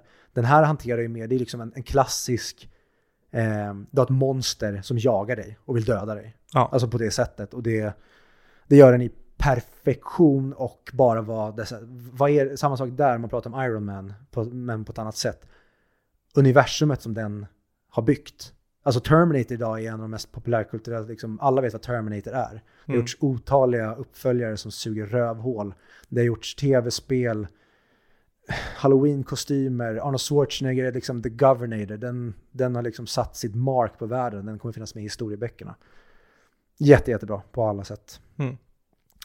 Och sen så kommer vi till placering 78. Och då har vi Robert Eggers The Lighthouse. Inte sett ännu, men det här pratade vi om tidigt på kommer jag ihåg. Jag kommer ihåg när du såg den. Du var på filmfestivalen. Mm. Och ja, för er som inte har sett den. Det, det här är också, det här är en av mina favoritfilmer senaste åren för att den, det här är också en film som är right up my alley. Den handlar om då, men vad händer med ditt psyke när du är då isolerad på en plats? Eh, när slutar sakerna du tänker på och ser, när slutar de vara förankrade i verkligheten? När börjar ditt förstånd att liksom lätta från marken? Och det gör den här filmen på ett så jävla bra sätt. Och så har vi Robert Pattinson och um, Willem Dafoe som gör två av sina absolut bästa roller. Och så Robert Eggers är en jävla mästare. Jag är skittaggad på hans eh, nya film The Northmen. Som ska handla om vikingar. Eh, har du sett The Witch? Nej, jag tror inte det. Nej, det kan jag rekommendera. Det är en av de mest Ja, kanske de mest, en av de mest obehagliga skräckfilmerna jag sett. Men definitivt Mm. på senare år. Eh, grym porträttering av den här häxlåren. Men om vi säger så här, jag och en eh, tjej som jag träffar, vi, ingen, ingen av oss gillar skräckserier. Eller filmer. Mm. Eh, men om vi skulle se en skräckfilm, är The Witch en bra kandidat då? Eller, eller är det mycket jumpscares och sånt där? Nej, den har inte, och det är därför jag tycker att den är bra. Mm. För att det här är som jag, till exempel när jag pratat om kanske The Shining. Mm. Eh, det här är en film som, som kryper in under skinnet på dig och det är obehagligt hela tiden. Mm. Men den håller inte på med att, vad säger man, håller dig på dina tår för att snart kommer någon hoppa fram och skrämma dig. Det finns jumpscares i den har jag för mig. Men det här är liksom, vad, vad händer? För det, här, det handlar om en nybyggare i USA som då bryter sig loss från sin ehm, tribe och ska bygga ett eget litet samhälle på en plätt i skogen. Och så är det en mamma, en pappa och deras barn och de, det börjar helt enkelt, det, det, det är konstiga grejer där i skogen. Mm. Men det är mer liksom det okulta, eh, och så häx, ja, Lauren som jag nämnde. Det blir Ja. mer att saker börjar bli obehagliga. Ehm, så gillar du liksom creepy grejer snarare än Brr! eller boogaboo, då Bugaboo. rekommenderar jag verkligen. Ja, absolut. Är det inte Marshall som säger det? Det är mycket möjligt. Marshall är fan bäst. Jag får mig det, i någon av de tidiga Your Mother-avsnitten så är det han som, han ska skrämma typ Lily, så är det bara Boogaboo! Mm. Ja, så um, The Lighthouse. Um, en av de bästa filmerna som har kommit senare, på senare år, skulle jag säga. Mm. Eh, och sen har vi då Quentin Tarantinos Pulp Fiction. Jag har också den på min lista. Mm. Och den har vi ett avsnitt om, så den säger vi ingenting om. Däremot, jag tänkte stoppa in Once upon a time in Hollywood. Jag tänkte också göra det. Men jag gjorde inte det, men jag tänkte då kan vi ändå prata lite om den. Inte, gjorde inte jag heller. Eh, vilket är intressant. Nej men det, det var inte hela vägen för mig, har jag för mig. När vi fasar efterhand, alltså här och nu så känner jag att så här, ja, men jag hade fan kunnat ta bort de av mina filmer jag, jag pratar om än så länge. Alltså Inside Man hade kunnat byta ut till den mycket gärna. Men just när jag satte ihop listan så tyckte jag inte det. Det är det som är så jävla svårt. Men därför det sagt listor inte är allt. Utan bra filmer kommer utanför. Men det är så att den, den saknar saker som andra filmer har. Och andra filmer saknar det som den har. Det är bara, sen är det så svårt att värdera mot varandra. Jag tror att det här, det, det kommer på sikt klassas som en av Tarantinos bästa. Eh, och det är just det för att den har inte någon tydlig handling. Mm. Och det är det som folk stör sig på. Att den är lång Mm. och för folk som vill ha en tydlig handling, så här, nej okej, då, då kanske den inte är perfekt på det sättet. Men jag tror att jag nämnt den också i podden tidigare, eller jag vet att jag nämnde den i Ja, vi har pratat om den. Ja, för jag, ja, skitsamma. Eh, just det att det här är några av de bästa skådespelarna som verkar idag. Mm. som får göra otroligt härliga porträtt. Skrivna av en av de bästa liksom, vad säger man, karaktärsförfattarna som finns. Mm. Ehm, och det är bara en så härlig ride. Det är, det är så här, vi kommer komma till det sen när vi pratar Wolf of Wall Street. Men eh, Once upon a time in Hollywood är en, en, så här, det är en film som är så härlig att jag bara vill vara i den. Exakt. Så det är en film som så här, när man är bakis, jag kan slå på och kolla en halvtimme, 40 minuter, mitten, slutet. Jag behöver inte hela paketet. Det är bara en otroligt nice jävla history piece eller vad man säger, en per- period piece. Mm. Men eh, ja, den klarades inte in på listan, men det är en bubblare. Uppenbarligen för oss båda. Håller med. Och sen så kommer vi till placering 76 och då har vi Shutter Island, men samma sak där, det är ju, den har vi ju redan i ett avsnitt om. Eh, så den, lyssna på Shutter Island-avsnittet om ni vill, men det är verkligen en film som... Nej, eh, lyssna helt enkelt. Hej. Eh, och sen har vi då på placering 75, då har vi Sideways, och den vet jag att jag pratade om när jag hade sett den nyligen i podden. Ja. Men det är då en film om två medelålders kompisar. Den ena har inte återhämtat sig efter att hans fru lämnade honom. Och den andra ska gifta sig samma helg. Så det blir som eh, den ena killens eh, bachelor party. Mm. Och det är då Thomas Hayden Church, alltså han som spelar Lyle i Djungelhjorts. Som Mm. ska gifta sig. Och han är en gammal skådis. Så han är så här semikänd. Ehm, och så är det Paul Giamatti som spelar den så bittra eh, snubben som har blivit lämnad av sitt ex. Ehm, och de åker på en vinresa i Kalifornien och dricker vin och pratar om vin och allt möjligt. Om liksom att bli lämnad och gifta sig, commitment. Och den är, det, alltså den är så jävla bra bara på alla sätt. Den är mörk, deppig men också jävligt rolig och det är kul att se en person som är bitter och inte tagit tag i sitt liv men han är, vad säger man, lojal och ansvarsfull och sen har vi en person som bara lever för dagen men inte illojal till någon och bara så här, ja men vadå jag låg med henne, vad är det med det då? Så bara, men du ska gifta dig i helgen. Han bara, men fan, skärp dig, jag vill bara ha lite kul. Mm. Nej, den är otrolig. Och den väcker ett vinintresse. För jag är, jag är, ingen, jag är ingen superintresserad av vin. Men hur de pratar om vin i den filmen får mig att vilja åka på vinresor. Mm. Så den är, nej, sju helvetes jävla film. Och den, kom, den skulle nog hamnat högre på listan om den hade fått mer tid att gro hos mig. Men eh, den måste bara vara med, så den, nu är den med. Och sen tror jag, nej, det är inte den sista. Men ytterligare en svensk film. Okej. Och här kommer vi till den, den bäst skrivna, den bäst utförda, eh, den roligaste, alltså vad säger man? Här har vi den, enligt mig, den bästa svenska filmen. Rent när det kommer till dramaturgi, humor och en grej som jag klagar på mycket ofta när det kommer till svenska filmer. Tro på hur människor pratar, att de inte är skrivna. Mm. Utan att det här är en person som säger det här som inte är inövat. Och det är ju Tomten i Far till alla barnen. Ja. Ett mästerverk som jag ser bara om den varje jul. För att jag inte vill ja, men, nöta ut den. Men den är så bra och framförallt den är så himla bra på att visa den här 90-tals svenska eh, skilsmässo flerfamiljsdynamiken. Mm. Att liksom, ja men han har legat med henne och de har barn tillsammans och nu bor de sådär. Alltså, den, den gör verkligen, vad säger man, den, den vrider ju upp alla de grejerna. Och samtidigt så har du det här med att hålla hemligheter från sin eh, partner, att du inte vill bli pappa. Den, ah, fan vad bra den är och mot förmodan någon som inte har sett den, ser den. Det är framförallt den bästa julfilmen. Eh, men för mig är det även den bästa svenska filmen, för den har verkligen det här som de flesta fil svenska filmer failar med. Den har det autentiska i hur människor pratar. Du har väl en till för svensk film på listan? Eh, ja, Jag vet vilken det är. vet du? Roll. Ja. Men jag kommer komma till det. Ja. Ehm, för att ja, Mm. vi, den, den kommer om ett tag så vi tar den då. Nej, så Tomten far till alla barnen och ehm, eh, Peter Haber som är en av mina hjältar. Rudolf Andersson är enligt mig den bästa svenska Mm. karaktären som har gjorts. Eh, och varför de moderna Sune-filmerna inte funkar är ju för att det som Rudolf är i Sunes jul och Sunes sommar det är ju en missförstådd hjälte. Mm. Han vill ju väl, men allt blir fel. Mm. Det, det Rudolf är i de nya filmerna, det är ju en snål, sniken, oskön jävel. Mm. Men som man ändå ska tycka om på något sätt. Och det är det de missförstår med hela den dynamiken. Är att alla kommer från goda håll, även mamma Karin. Mm. Men de är fulla av brister så det blir fel. Mm. Och Peter Haber är så jävla bra i även den här rollen som Göran.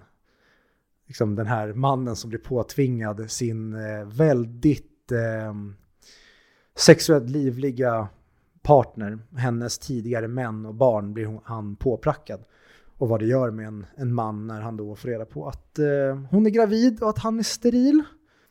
Och sen då kommer vi till Watchmen på placering 73, men den har vi redan pratat om så då går jag vidare till placering 72. Och det här är en film som jag tror skulle hamna högre upp på min lista. Mm. Egentligen, men jag sätter den här nu för att det bara blir så. Men det är Steven Spielbergs Catch Me If You Can. Den är med på min lista. Då kan vi prata om den när vi kommer till den på din Mm. istället. Jag tänker att vi kanske ska få igång lite fart nu. Mm. Eh, 71, Lejonkungen, vi har ett avsnitt om den. Mm. Så den kan vi skicka ut genom fönstret. Placering 70 tänkte jag säga, men det är din tur. 80 har- bytte jag till Drive ju. Och Mm. den skulle vi spara på. Ja, eh, och placering 79. Han är förlåten. Som han har gjort den här filmen. Looper. Ryan Johnson, jag vet. Du är en fitta. Men du har även en bra sidor. Då undrar jag, har du sett Knives Out? Jag börjar se på den, men jag har så aldrig klart den. Usch, du- ja, du måste se den i ett. Alltså, konstigt. det är en jättebra film. Mm. Och jag är så glad att Daniel Craig är fri från Bond. Så att de kan spela in fler Knives Out-filmer med den karaktären. K- kommer vi göra det? Ja, de har redan spelat in tvåan. Ah, coolt. Okej, men då måste jag verkligen se Nice Out 1. Eh, mm. Men eh, Looper, jag, asintressant film tycker jag. Den har, den har sina brister, men jag tycker fortfarande det är en väldigt, väldigt bra film. Som speglar tidsresandet på ett bra sätt. Ja, och kul att eh, Mel Gibson efter att ha gjort många år av skitfilmer får göra en riktigt, riktigt jävla bra film och att det är en riktigt jävla bra sci-fi-rulle. Mel Gibson? Så är Mel Gibson. Ja. det är Bruce Willis. Bruce Willis menar jag. Ja, jag tänkte vad fan, när fan är Mel Gibson med? Men vad då? Det är som att blanda ihop eh, Will Smith och Morgan Freeman. Oh, you see what I did there. Ja, absolut. Vi kör. Let's go with it. It's okay when we do it. Ja men det, jag tycker det är cool värld, bra handling, det händer saker hela tiden. Snygg värld. Allt det där. Ja, ja, allt det där. Rainmaker och... Nej, den, är helt otrolig. Jag, och jag vet faktiskt inte varför jag inte har med den på min lista. Nej. Jag borde verkligen ha det. Jag tycker jättemycket om Looper. Mm. Men det, men det är så här, vissa filmer bara försvinner från en. Så ser man den som bara, fan det här gillar jag. Och det är så här, jag ångrar lite nu, varför har jag den här efter de här filmerna som är nu? 78, Spider-Man in- Into the Spider-Verse, Oj. har jag. Jag är lite osäker på om jag vill ta med den eller inte. Även nästa Django, nummer 77. De här två var jag osäkra på. Men de åkte med när jag, när jag satte listan. I dagsläget hade jag nog knuffat ut bara två. Men jag, men jag vet inte vad Anders skulle fylla dem med. Nej. Nej, och det är väl det. Alltså, och jag vet att jag sa det i, tror jag, när vi har pratat om både Django och Into the Spider-Verse, att de kanske hör hemma på en topp 100-lista. Mm. Ehm, och det är väl mer att jag tycker Into the Spider-Verse är en så unik film. Samtidigt som den använder karaktärer som jag är uppvuxen med. Och därför tycker att den är så jäkla bra. Men nej, den, jag har inte ens funderat på att den ska vara med på min topp 100. När Nej. jag väl gör min topp 100. Nej, men vi har, vi har fall avsnitt om båda de två. Spider-Man och Django. Så lyssna på dem. Nästa film har vi också ett avsnitt om. Och jag tror du, du tycker det är otippat att jag tar med här. Nummer 76. Witness for the prosecution. Mm. Jag slänger in. Det har inte du alltså? Nej, det har jag inte. Oj. Ja, det, men det är det här. Det, det är många filmer som jag tycker är väldigt bra, som jag gav höga betyg under poddens gång. Men när jag kollar på vilka filmer jag tycker ska höra hemma på ställen, då är det så här, sorry, de har inte gjort en tillräckligt hård träff i mitt hjärta. Som många andra filmer har, som kanske när jag jämför filmerna, så kanske jag skulle säga att, ja men säg att, vilken film kan man ta då som jag har med nu? Ja, men ta Nocturnal Animals och Witness for Prosecution. Ja, det kanske, kanske Witness skulle vara med. Jag skulle säga så här, men det är klart den ska hellre vara med på topp 100. För den har gjort si och så och var den, vilken tid den utspelar sig och bla bla bla. Men eh, Nocturnal Animals är right up my alley på ett, visst, på ett sätt som inte Witness är. Men jag tycker Witness är liksom den filmen jag skulle säga om jag skulle vara i ett bajsnödigt jävla akademikerrum. Det är klart att lägga ett Witness for Prosecution är den bättre filmen. Mm. 75. Prisoners. Har du sett den? Eller ja, det är klart du har. Hell yeah. Jag såg om eh, Prisoners, eh, ja, max två månader sedan. Mm. Och det är ju det som, jag, jag såg även Sicario i samma veva. Det här var ju när Dune skulle ha premiär, så såg jag Enemy, jag såg Sicario, jag såg Prisoners, det var väl de jag hann se inför. Inte Blade Runner. Nej, den har jag sett så många gånger sedan den premiär, så den vill jag skjuta lite på, plus att den är väldigt lång. Mm. Men det som jag tycker just Denis Villeneuve gör med Prisoners, det är att det är en helt vanlig jävla kidnappningsstory egentligen. Den, alltså Mm. rent manusmässigt och vad den gör. Det är väl så här whodunit och en polis som jagar dem och den har det här elementet av att det är en pappa som tar saken i egna händer och vad det får för konsekvenser för utredningen. Mm. Men Denis Villeneuve gör någonting som i... Om Prisoner hade blivit satt i typ händerna på Daniel Espinosa eller en mer medioker actionregissör. Mm. Då hade det varit en film som man ryckte på axlarna på och bara glömde bort efter en kvart. Men Denis Villeneuve är så bra så att han gör mediokra saker jättebra. Mm. Och det gör han med Prisoners, bara stämning, foto, musiken. Allting får han att bli mycket, mycket bättre än vad grunden är. Mm. Så jag håller med dig. Men den är inte med på min topp 100, men det är en snuskigt jävla bra thriller. Mm. Nej men, eh, ja, du sammanfattar egentligen min åsikt igen också. Den, är, den stannar kvar hos mig, den är så himla bra. Det är en otroligt bra modern kidnappningsstory. Mm. De får se ett ändå så här, det, och det är inte ett fattigt område, det är inget true detective, eh, eller åt det hållet. Den är bara bra, den är kuslig rakt igenom. Hjärtskärande. Det, det, det, är så här, det känns som en vanlig Beck-film rent om du skulle berätta vad som händer. Mm. Men med det de, eller det Villeneuve, Villeneuve, Villeneuve gör så blir det någonting utöver det vanliga. De får Hollywood-glansen, fast på ett bra sätt. Mm. Och Hugh Jackmans roll i den är så... Mm. Alltså han är så jävla bra. 74. Apocalypse Now. Men du har inte den heller? Nej. Vad många på vår topp 100-lista som du inte har med. Eh, Okej, för det var det jag tänkte göra från början, att så här, vilka är de 100 bästa filmerna? Men jag kan inte separera, separera hjärta och hjärna. Nej. Och då blir det att de filmerna som jag tycker om mest Mm. är de som kommer med. Och då blir det tyvärr inte Apocalypse Now, för det är ingen film som ligger mig nära hjärtat. Och den, den glömmer jag lätt bort när jag tänker på dem. Det är så här, ja det är en asmäktig film, eh, rent om man ska liksom kolla så här filmhistorieboks... Eller kolla filmhistorieboksmässigt, men för mig, nej, det är en film som jag lätt lägger bakom mig. Mm. Intressant. Eh, 73. Once upon a time in America. Mm, den har jag eh, högre upp. Mm. Intressant. Den har vi pratat om. 72. Uh, här blir också en late bloomer, men sen mer jag tänkte på den så kom den upp till 72 plats. It's a wonderful life. Inte med på min. Mm. Men samma sak där, vi har ett avsnitt om den. Mm. Och det kanske blir så här, nu, nu kanske det blir lite mer att vi bara rabblar ehm, än att ha någonting mer, alltså så här, gör mer det som vi gör i podden vanligtvis som filmerna. Men vi kanske kommer dit mer när vi kommer högre upp på listan. Att vi kanske mer, Jag ska vara helt ärlig, mina 100-50 filmer hade kunnat bytas ut sådär, eller, eller byta plats.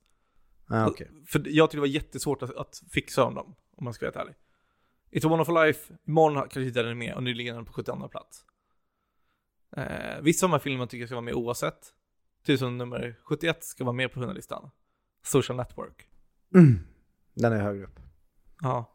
Den, den är vi pratar om. Vill, vill du prata mer om den? Eller ska vi Men, vänta men ska vi inte bara göra så att de filmerna som dyker upp, nu dök, den upp tidigt, då pratar vi om dem. Ja, Så vi inte skjuter upp det. Okej, ja, För för det det har vi gjort tidigare. Ja, och det Ja, kommer vara det- så mycket annat då som vi pratar ja. om. Men alltså, bara här som vi har nämnt i podden, men öppningsdialogen, de pratar om tre olika saker samtidigt. Mm. Så magiskt. Och sen, vi pratade också om att det hade varit coolt att göra en uppföljare nu när Facebook, har du hört att Facebook har bytt namn? Inte Facebook Facebook, men Facebooks företag. Till meta.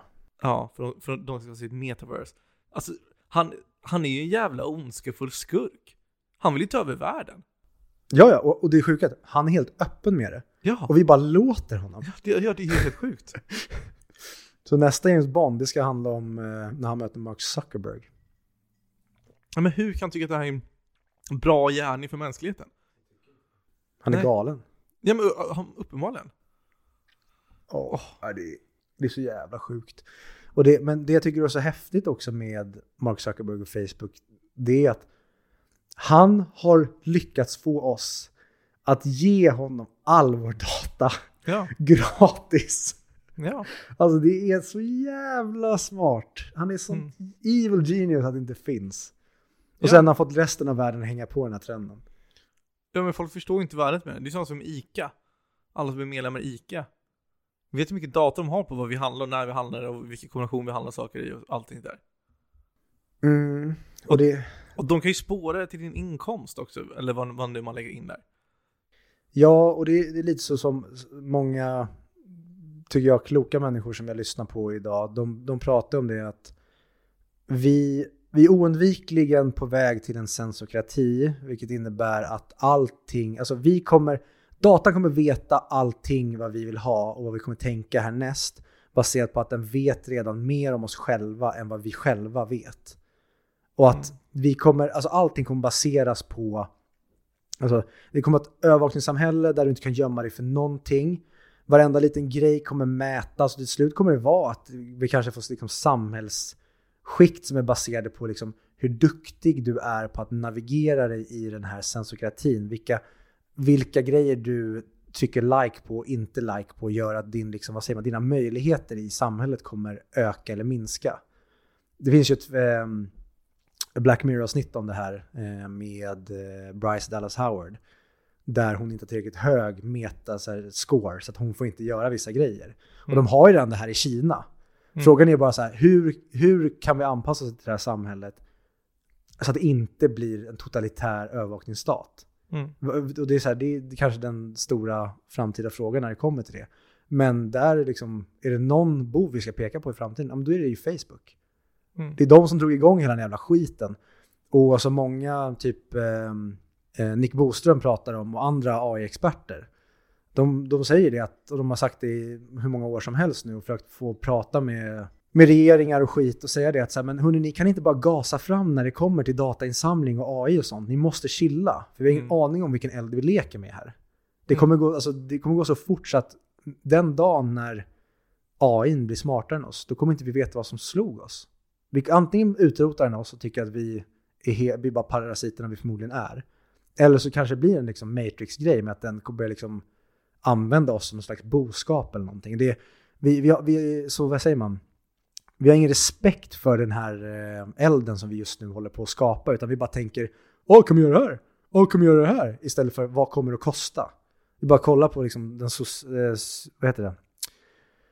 Psykiska ohälsan. Man eh, kollar nu på typ dat, eh, data hos unga tjejer. Alltså hur självmordsförsökssiffrorna bara stiger på Mm. grund av sociala medier. Och de här grejerna, liksom, är det värt det? Och det tycker jag, det vore verkligen intressant att se en social network 2. Mm. Om liksom, vad, när liksom Facebook har blivit den här globala supermakten, vilket den inte var när David Fincher gjorde den första filmen. Det finns otroligt mycket material att göra en uppföljare på. Social Dilemma är ju typ Facebook 2. Ja men precis, den, den pratar ju mer om de här grejerna. Ja. Men jag hade verkligen velat se David Fincher göra, Mm. som, han, som han är bä- bäst på, de här hopplösa nihilistiska berättelserna. Ja. Som berättar det här men där liksom skurken vinner i slutändan, vilket Mark Zuckerberg gör. Ja. Tänk på honom regissera de här förhören. Mm. När, vilka var det? Google, Facebook, eh, Amazon var... Jag vet inte exakt vad det var. Ja, men de, de största liksom techjättarna. När de sitter och blir förhörda. Och det är lite så här, what you gonna do about it? Alltså de är större, de är mäktigare än länder idag. Mm. Det är helt sjukt. Och vi är så maktlösa inför dem. Mm. Ja, det är coolt. Och jätteläskigt. Ja, nu ja. Jag vill inte prata med social network så jag hoppar vidare. Mm. Topp 60-listorna. Plats 70. The Green Book. Mhm. Intressant. Men eh, tänker du på när du har med den att det är en väldigt rasistisk och problematisk berättelse? Det är därför jag har med den. För jag vill Boom. göra dig glad. Tack. Det är bara för din skull Victor. Jag gillar inte ens filmen. Nej men det är så jävla good feeling film tycker jag. Den är så jävla härlig att kolla på. Mm. Och jag känner att den förtjänar det. För jag tycker att den är härlig rakt igenom. Och det bästa tycker jag är att den håller på en lagom nivå. Det är som i slutet, om du har sett filmen. Ja. Eller i, i sista halvan, när, när polis knackar på. På fönsterrutan. Så- Och man känner så här, nej jag, orkar- nej, jag orkar inte mer tjafs nu. Och så är det bara, ja men tja, bara så ni vet, eh, lyktan är sönder, ha det bra, hej. Typ. Eller vad man säger. Eller, eller när de ska råna dem och sätter sig bakom bilen, så skjuter han i luften med pistolen och flyr. Det är så bra, Du- de behöver inte mer problem att komma över. Det, det, det är inte det som gör den här filmen bra och rolig att kolla på. Utan det är resan, den här är resan. Plats nummer 69. Predestination. Mm. Visst är Sarah Snook en av huvudrollerna, alltså Shivan i eh, Succession. Ja. Gud vad jag skulle vilja se om den bara för att se hur hon gör den rollen. Den är så jävla läskig och cool. Ja, jag minns som en jävligt cool eh, tidsresefilm. Mm. Det är komplicerat för... Ska jag spoila? Kort? Ja, det har jag gjort. Ja, kör. Det är himla fascinerande tycker jag att, att för det här, det här är en person, jag kommer inte ihåg vad det kallas, men hon byter ju kön, ju äldre hon blir. Mm. Så hennes kön förändras, hon blir kille efter 30 år eller vad det blir. Ehm, och då kommer hon tillbaka i tiden, träffar sig själv, de blir kära, har sex, föder sig själv. Så det är samma person som är förälder till sig själv.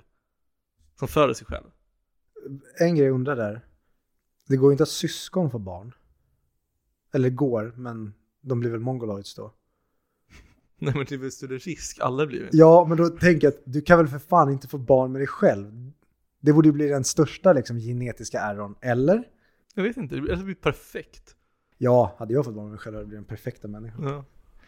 Eh, nej, men det är en jävla cool film tycker jag, hur, hur de mysterierna bara, man fattar mer och mer. Bara, ah, ah. Länge sedan jag såg den dock. Jag med, jag såg den när den kom och den eh, kom väl typ 2014. Ja, någonting sånt.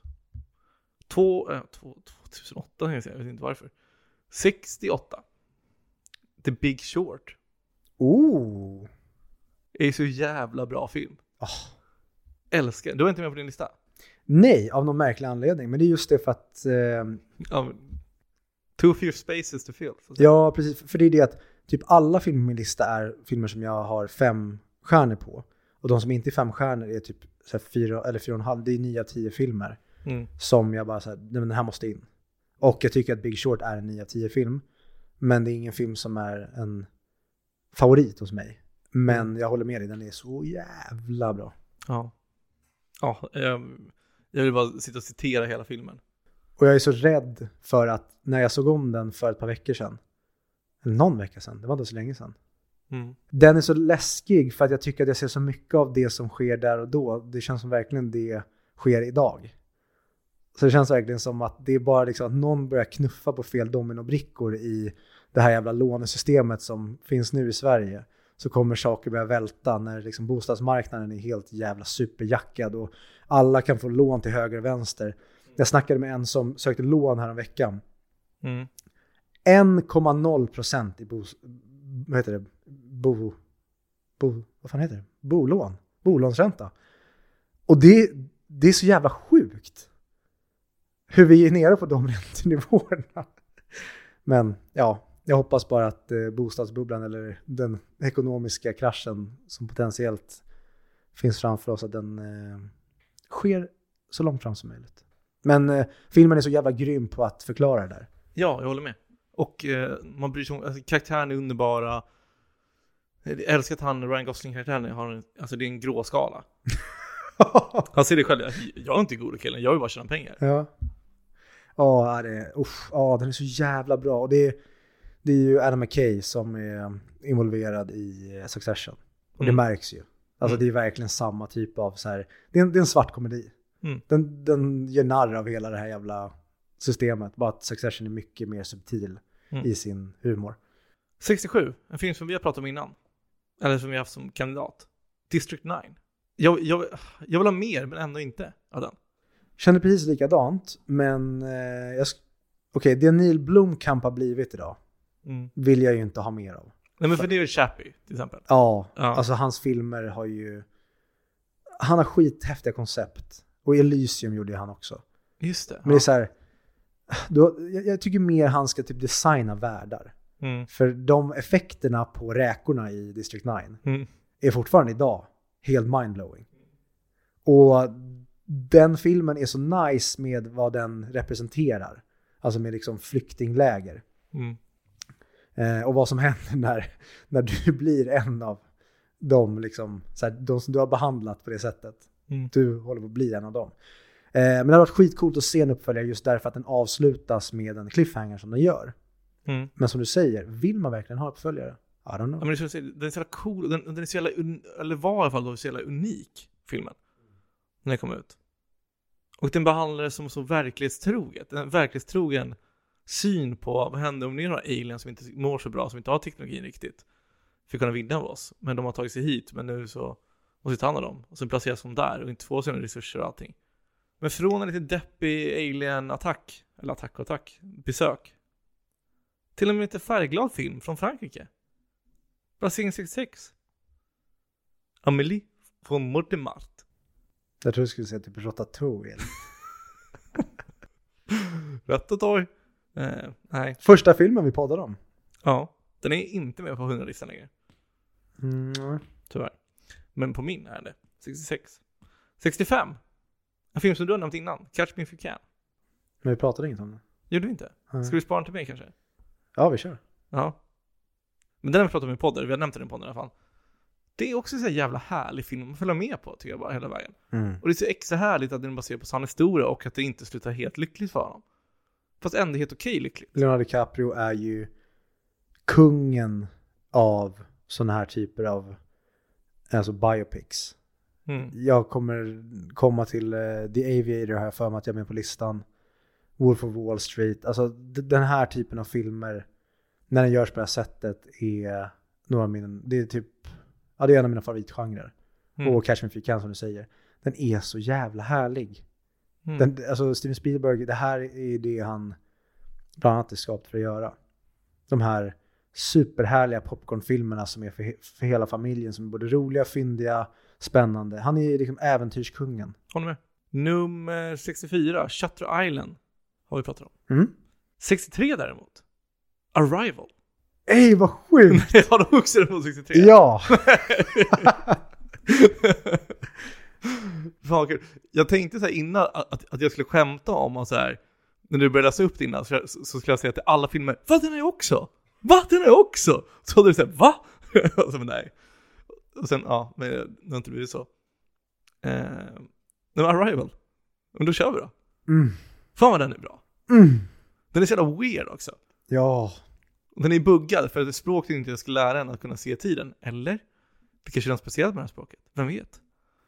Ja, det är det som är så bra med den också att när det är en, liksom, det är någonting alien, då behöver du inte förklara allting, det behöver inte make sense, utan vi måste få förstå konceptet. För det är lite som Interstellar. Det har gått bak, alltså bortom våra fysiska lagar. Och då måste vi bara acceptera förutsättningarna och försöka spela med i det. Det är som Mm. hon gör. Liksom. För nu var det ett par år sedan jag såg den, men det är väl att tiden inte blir linjär. Mm. Att det, liksom, det blir mer som ett hjul. Mm. Att hon ba, både är i början och i slutet. Hon vet sakerna. Ja, men den blir ju buggad på det sättet. Det är det som är lite jobbigt med tidsresande, för man, vi förstår inte.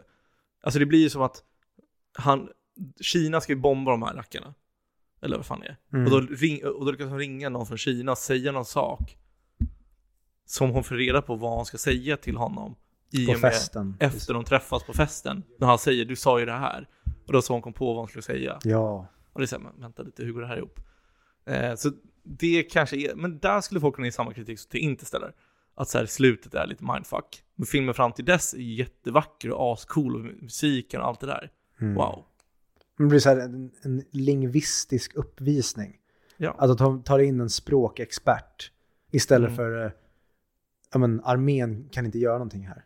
Utan vi behöver förstå dem.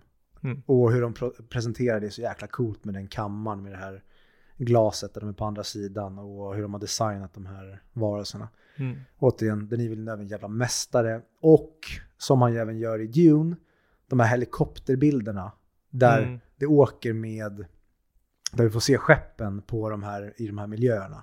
Mm. Det är så jävla snyggt och cleant och det får oss att känna som att det här är på riktigt. Mm. Och samma sak, han är så bra med sin musik där med att de, den känns så olycksbådande. Mm. Nej, så jävla bra sci-fi-rulle. Mm. Håller med. 62 Goodfellas. Nej, jag har det också. Ja, Nej! jo, Det där ser jag. Har vad du sjukt. Eh, Men den har vi pratat om. Ja, Jag älskar spag- spagettiscenen. Och framförallt scenen nu när de sitter och skrattar på baren. Det finns en meme typ om det, de sitter och skrattar tillsammans. Eh, nummer 61. Ska vi, se- ska vi se det på tre? Nej, vi har inte samma. Jag är helt hundra på att inte ha samma. För jag har varit Sunset Boulevard. ja okej. Nej, det har inte jag. Nej men, för den... Eh, Ska vi inte heller prata om för vi har ett avsnitt nej. Men den var varm. med eh, Fabian Nordlander. Exakt. Så det borde ni lyssna på. Okej, men du- vill du köra dina 60-50? Eh, ja. Vänta, innan vi kör. Jaha. See you later, alligator. Well, I saw my baby walking